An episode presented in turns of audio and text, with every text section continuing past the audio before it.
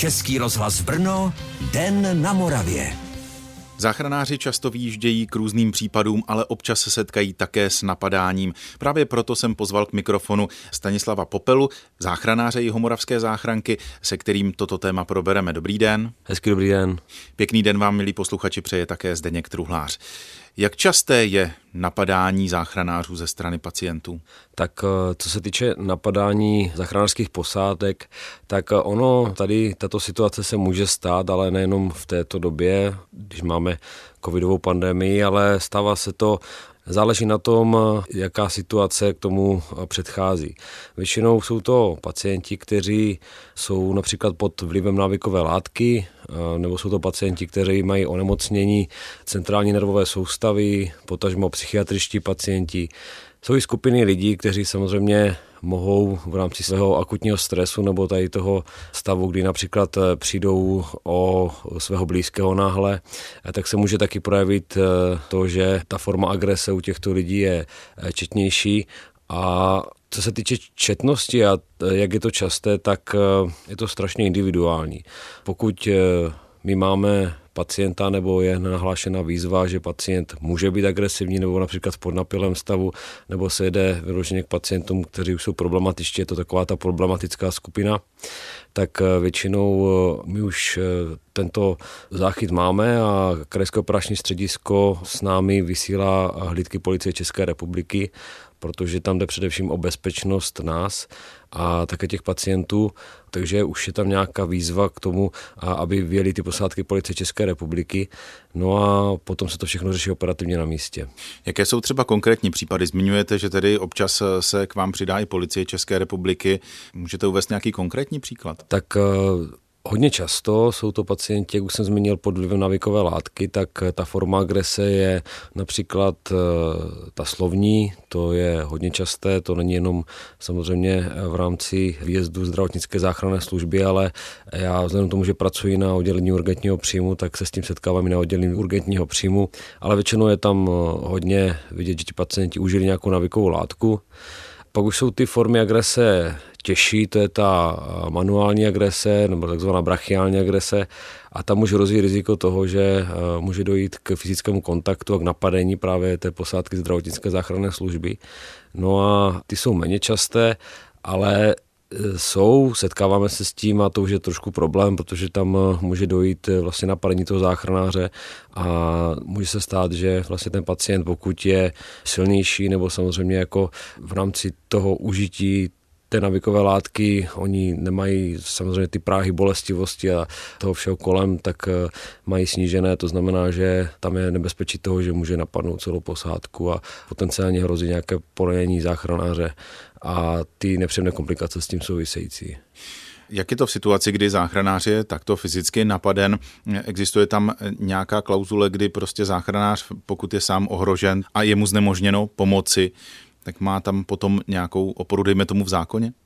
Co se týče toho napadení, tak tam vždycky ta pomoc eh, vychází ze stran té policie České republiky. Ty samozřejmě ty s námi spolupracují a my se snažíme tyto pacienty nějakým způsobem sklidnit a je to vždycky individuální od toho záchranáře, který přistupuje k tomuto pacientovi, protože každý pacient je trošku jiný, ke každému pacientu musí být individuální přístup a my se už eh, tak snažíme eliminovat to napadení právě tady tím přístupem k pacientovi a, a následně Ostatně, co se týče, eh, pokud by došlo k eh, vlastně poranění třeba toho záchranáře, tak eh, ten záchranář se stává vlastně pacientem, musí do nemocnice, musí dojít samozřejmě jeho vyšetření a zhodnocení toho, jak dlouho v případě budou muset zůstat mimo zaměstnání, takže vlastně v pracovní neschopnosti a je to zase individuální.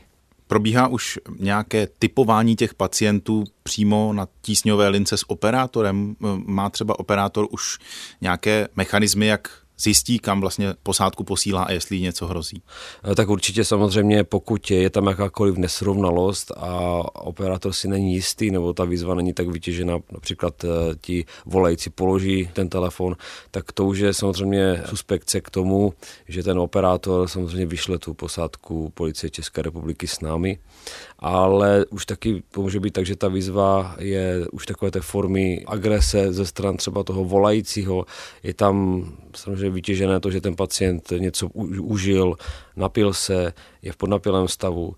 Je to například eh, chronický abuzer, to znamená, že jako buď eh, užívá často alkohol, nebo je to třeba například eh, problematická skupina pacientů, kteří užívají navykové látky, jsou to drogy tak tam už se samozřejmě avizuje to, že prostě ta policie pojede s námi a po případě i my, když vyjedu na ten výjezd a nejde s námi policie a já si to samozřejmě přečtu ten lísteček s tou výzvou a mám podezření, že by tam teoreticky mohl být agresivní pacient, tak už si nechám dovolat tu hlídku sebou. Dovedu si představit, že pro záchranáře to musí být velice náročná situace a velké i psychické vypětí, nejenom fyzické, protože zkrátka při výjezdu a při záchraně života jde o minuty, to je úplně jasné, takže ten záchranář musí asi během chvíle všechny tady ty věci, které popisujete, vyhodnotit a ještě pokračovat vlastně v té záchraně toho života. Jak to působí na samotné záchranáře, na ty pracovníky? Tak eh, ono, tady ta krizová situace je vždycky náročná, když máme například pacienta, který má akutní ohrožení života, nebo například zasahujeme u nějaké komplikovanější resuscitace. Ale jak se zmínil na začátek, eh, těch pacientů, kam vyjíždíme, je poměrně hodně a my už ty modely toho chování našeho máme nějak zažité a samozřejmě toto už se učí na eh, lékařských fakultách, učí se to na záchranářských eh, školeních, učí se to samozřejmě na střední škole, na vysokých školách, takže samozřejmě ten přístup pacientovi v rámci přednemocniční neodkladné péče máme zažitý už z propedeutiky, kdy jsme se učili, jakým způsobem pacientovi postupovat, jak se umět vyšetřit. No, komplikace to určitě je, ale vždycky je to, jak jsem řekl, individuální a vždycky musíme si říct eh, především bezpečnost, to je základ. Druhá věc samozřejmě zachrana toho života paralelně s tou bezpečností a ten systém a ta kooperace s, s tou policií České republiky si myslím, že v našem kraji je na takové úrovni, že v ti policajti nám udělají takový ten support toho, aby nedošlo k zhoršení celé té situace, což by mohlo mít vliv právě že na ten náš zdravotnický postup a na, na tu léčbu toho pacienta. Mm-hmm. Zajímal mě spíš takový ten pohled samotného záchranáře. Když se vrátí z práce po takovémto zážitku, tak vrací se okamžitě do práce, snaží se na to zapomenout, nebo naopak i ze strany vedení je mu možněn třeba nějaký odpočinek, tak aby tu situaci mohl nějak zpracovat. My se s tím setkáváme rutině, takže pro nás eh, tohle není nějaký eh, zásadní extrém, pokud tam nedojde nějakému napadení toho zdravotníka, až eh, samozřejmě ublížení na zdraví. Takže obecně ta záchrana života, třeba ta resuscitace je velice náročný proces a my to někdy zpracováváme díl než normálně ale to je pořád jako resuscitace, tak stejně to, ta stresová situace může být e, i u tohoto agresivního pacienta, ale já osobně, když budu mluvit za sebe, nemůžu mluvit za své kolegy, protože každý to vnímáme jinak. Je to prostě naše práce, jsme na to vyškolení, víme ty přístupy, umíme s tím pacientem pracovat a pokud to není nějaký zásadní extrém, tak eh, si myslím, že nikdo z nás eh, asi nepotřebuje nějakou intervenci a běžně z zaměstnání odchází a druhý den do toho zaměstnání přijde bez jakékoliv eh, újmy na psychice. Říká Stanislav Popela, záchranář Homoravské záchranky. V další části se budeme bavit právě o tom, jakým způsobem se záchranáři školí na takovéto situace. Český rozhlas Brno, Den na Moravě. Hostem Dne na Moravě je Stanislav Popela, záchranář Homoravské záchranky. My jsme v předchozí části rozebírali ty krizové situace, které při vaší práci nastávají. Bez zesporu budete na takovéto situace školeni, už jste to ostatně naznačil, jak se připravuje záchranář, tedy kromě té zdravotnické průpravy i na tu průpravu, řekněme, co se týče bezpečnosti sebe sama. Ta příprava na to naše povolání už je vlastně v rámci studia, takže na lékařských fakultách, na zdravotnických fakultách v oboru zdravotnický záchranář a je to i součástí přístupu k pacientovi, takže samozřejmě primárně teoreticky, takže určitě teoretická příprava k tomu, jak s tímto pacientem můžeme nakládat. No a potom eh, samozřejmě vás učí praxe, takže jednoznačně jako ty naše výjezdy se někdy opakují, nejsou úplně identické, ale ten agresivní pacient eh, může být eh, v těch výjezdech, takže v rámci praxe a té naší jako běžnodenní rutiny a co se týče samozřejmě nějakých eh, možností, kdy můžeme tomuto zabránit nebo se samozřejmě jako vyškolit v těchto postupech, tak existují pro nás, pro záchranáře, kurzy sebeobrany. To jsou výcvikové kurzy, které máme možnost absolvovat a naučit se samozřejmě právě tady s tímto problematickým pacientem pracovat.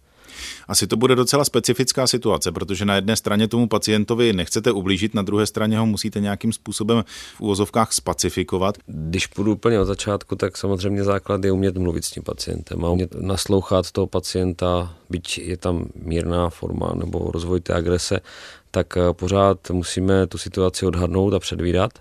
A samozřejmě ty kurzy té sebeobrany jsou pro záchranáře v tom, aby jsme dokázali zabránit tomu našemu poškození, tak stejně tomu, aby nedošlo k eh, ublížení tomu pacientovi, protože to je především strašně důležité, aby ten pacient nebyl nějakým způsobem jako alterovaný. No a celkově nás to učí ty přístupy a to chování u tohoto pacienta mít zvládnuté samo v sobě a potom samozřejmě přístup k tomu pacientovi. Když byste měl zhodnotit, kolik výjezdů denně třeba záchranka absolvuje a jaký poměr z toho jsou tady tyhle ty rizikové situace?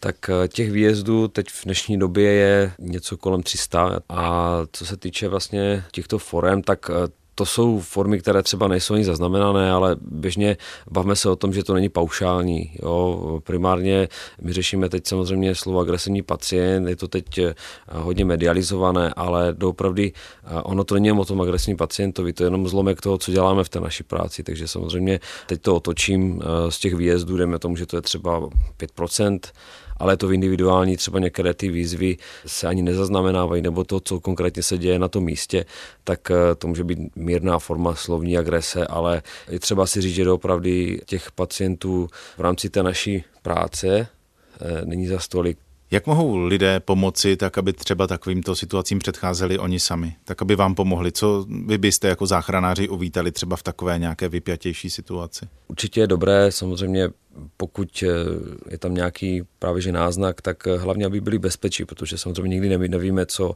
můžeme u tohoto pacienta čekat. Nicméně, pokud se to děje například jako u rodinných příslušníků, tak přece jenom ta rodina toho pacienta zná a pomůže nám určitě to, když s ním mluví, když ho uklidní, když ví ty mechanismy, jakým způsobem ho trošičku sklidnit, aby samozřejmě s námi spolupracoval. Takže jednoznačně informovanost toho pacienta, takové to sklidnění a pokud samozřejmě dojde na věc eh, toho, že my už jsme přijdeme na místo, tak eh, aby nám předávali ty informace a docela efektivně. Nás každá informace zajímá a ty informace by měly být pravdivé. To znamená, že pokud dopravdy eh, se zeptáme na to, bylo tady třeba například eh, užitý alkohol nebo třeba návyková látka, tak eh, neměli by nám říkat samozřejmě, že tam nebyla, protože my si to snenak v horizontu dokážeme vyšetřit, jestli tam ten pacient je pod vlivem návykové látky a nám to velice pomůže v tom, aby jsme se potom rozhodli, jaký ten léčebný postup zaujímáme k tomu pacientovi. Takže informovanost, sklidnění té situace před naším příjezdem, ale především, co říct, tak hlavně svá bezpečnost. Co vám naopak práci komplikuje? Teď tedy nemluvím jenom o agresivních pacientech, ale všeobecně. Když přijedete na místo, je něco, s čím se setkáváte opravdu opakovaně, co je potřeba lidem říci, aby buď dělali, a nebo nedělali? Nám vlastně tu práci stíží taková ta nespolupráce. To znamená, že když se zeptáme například na nějaký dotaz, tak eh, je dobré, když nám ti rodinní příslušníci nebo ti, co se pohybují kolem toho pacienta, řekli, co se tam děje. Je dobré samozřejmě, než tam přijedeme, tak aby nám ti volající například řekli, eh, proč volali, z jakých okolností, aby jsme potom nepátrali, proč ten pacient je bezvědomý protože samozřejmě my jdeme na místo už k pacientovi, který upadl bezvědomí, ale co se dělo předtím, jestli tam byl nějaký třeba zaškobrnutí, pád na hlavu, nebo to bylo právě užití nějaké látky, většího množství léku, tak eh, to je potřeba samozřejmě obsat tu situaci. A další taková hodně podstatná věc, jako když přijdeme na místo, tak by nás měli očekávat, takže se nám kolikrát stane, že se nemůžeme dozvonit eh, do domu nebo do bytu, a přitom ti daní dotyční to v tom bytě jsou. A to jsou minuty, nebo respektive sekundy a pak následně minuty, které mohou ovlivnit právě celkovou tu situaci. A pokud tam máme nahlášené bezvědomí, tak to je v podstatě stav ohrožující život a každá sekunda, kdy musíme čekat například před těma dveřma, před tím zvonkem, tak může ovlivnit celou tu situaci a zdravotní stav toho pacienta. Tak na závěr něco trochu pozitivního z vaší praxe. Tak eh, pozitivního. Jsme rádi velice za to, že pacienti vnímají i ten náš přístup a jsme rádi za to, že nám chodí ty děkovné dopisy a to, že jsme se o ně postarali, že jsme někomu zachránili život a dá se říct, že samozřejmě ta práce má smysl, to bychom to nemohli ani dělat a ještě samozřejmě třeba uvést ke konci to, že my se tady celou dobu bavíme o agresivních pacientech, ale eh, nejsou to jenom ti agresivní pacienti, ale jsou to ti hodní pacienti, které máme rádi, jsou to všichni pacienty, máme rádi. A máme se o tom, že ta společnost je ještě vděčná za tu práci na záchranářů. A my jsme taky rádi za to, že děláme práci, která nás baví a je to vždycky pro nás satisfakce, takže když nám přijde to poděkování, jsme rádi a to je to, co nás jede dál. Říká Stanislav Popela, záchranář Jihomoravské záchranky. Já vám děkuji, že jste si na nás udělal čas. Také děkuji za vaši práci a za práci vašich kolegů a budu se někdy příště těšit na slyšenou. Tak vám taky děkuji a přeji hezký den. Hezký den vám přeje také Zdeněk Truhlář. Český rozhlas Brno, Den na Moravě.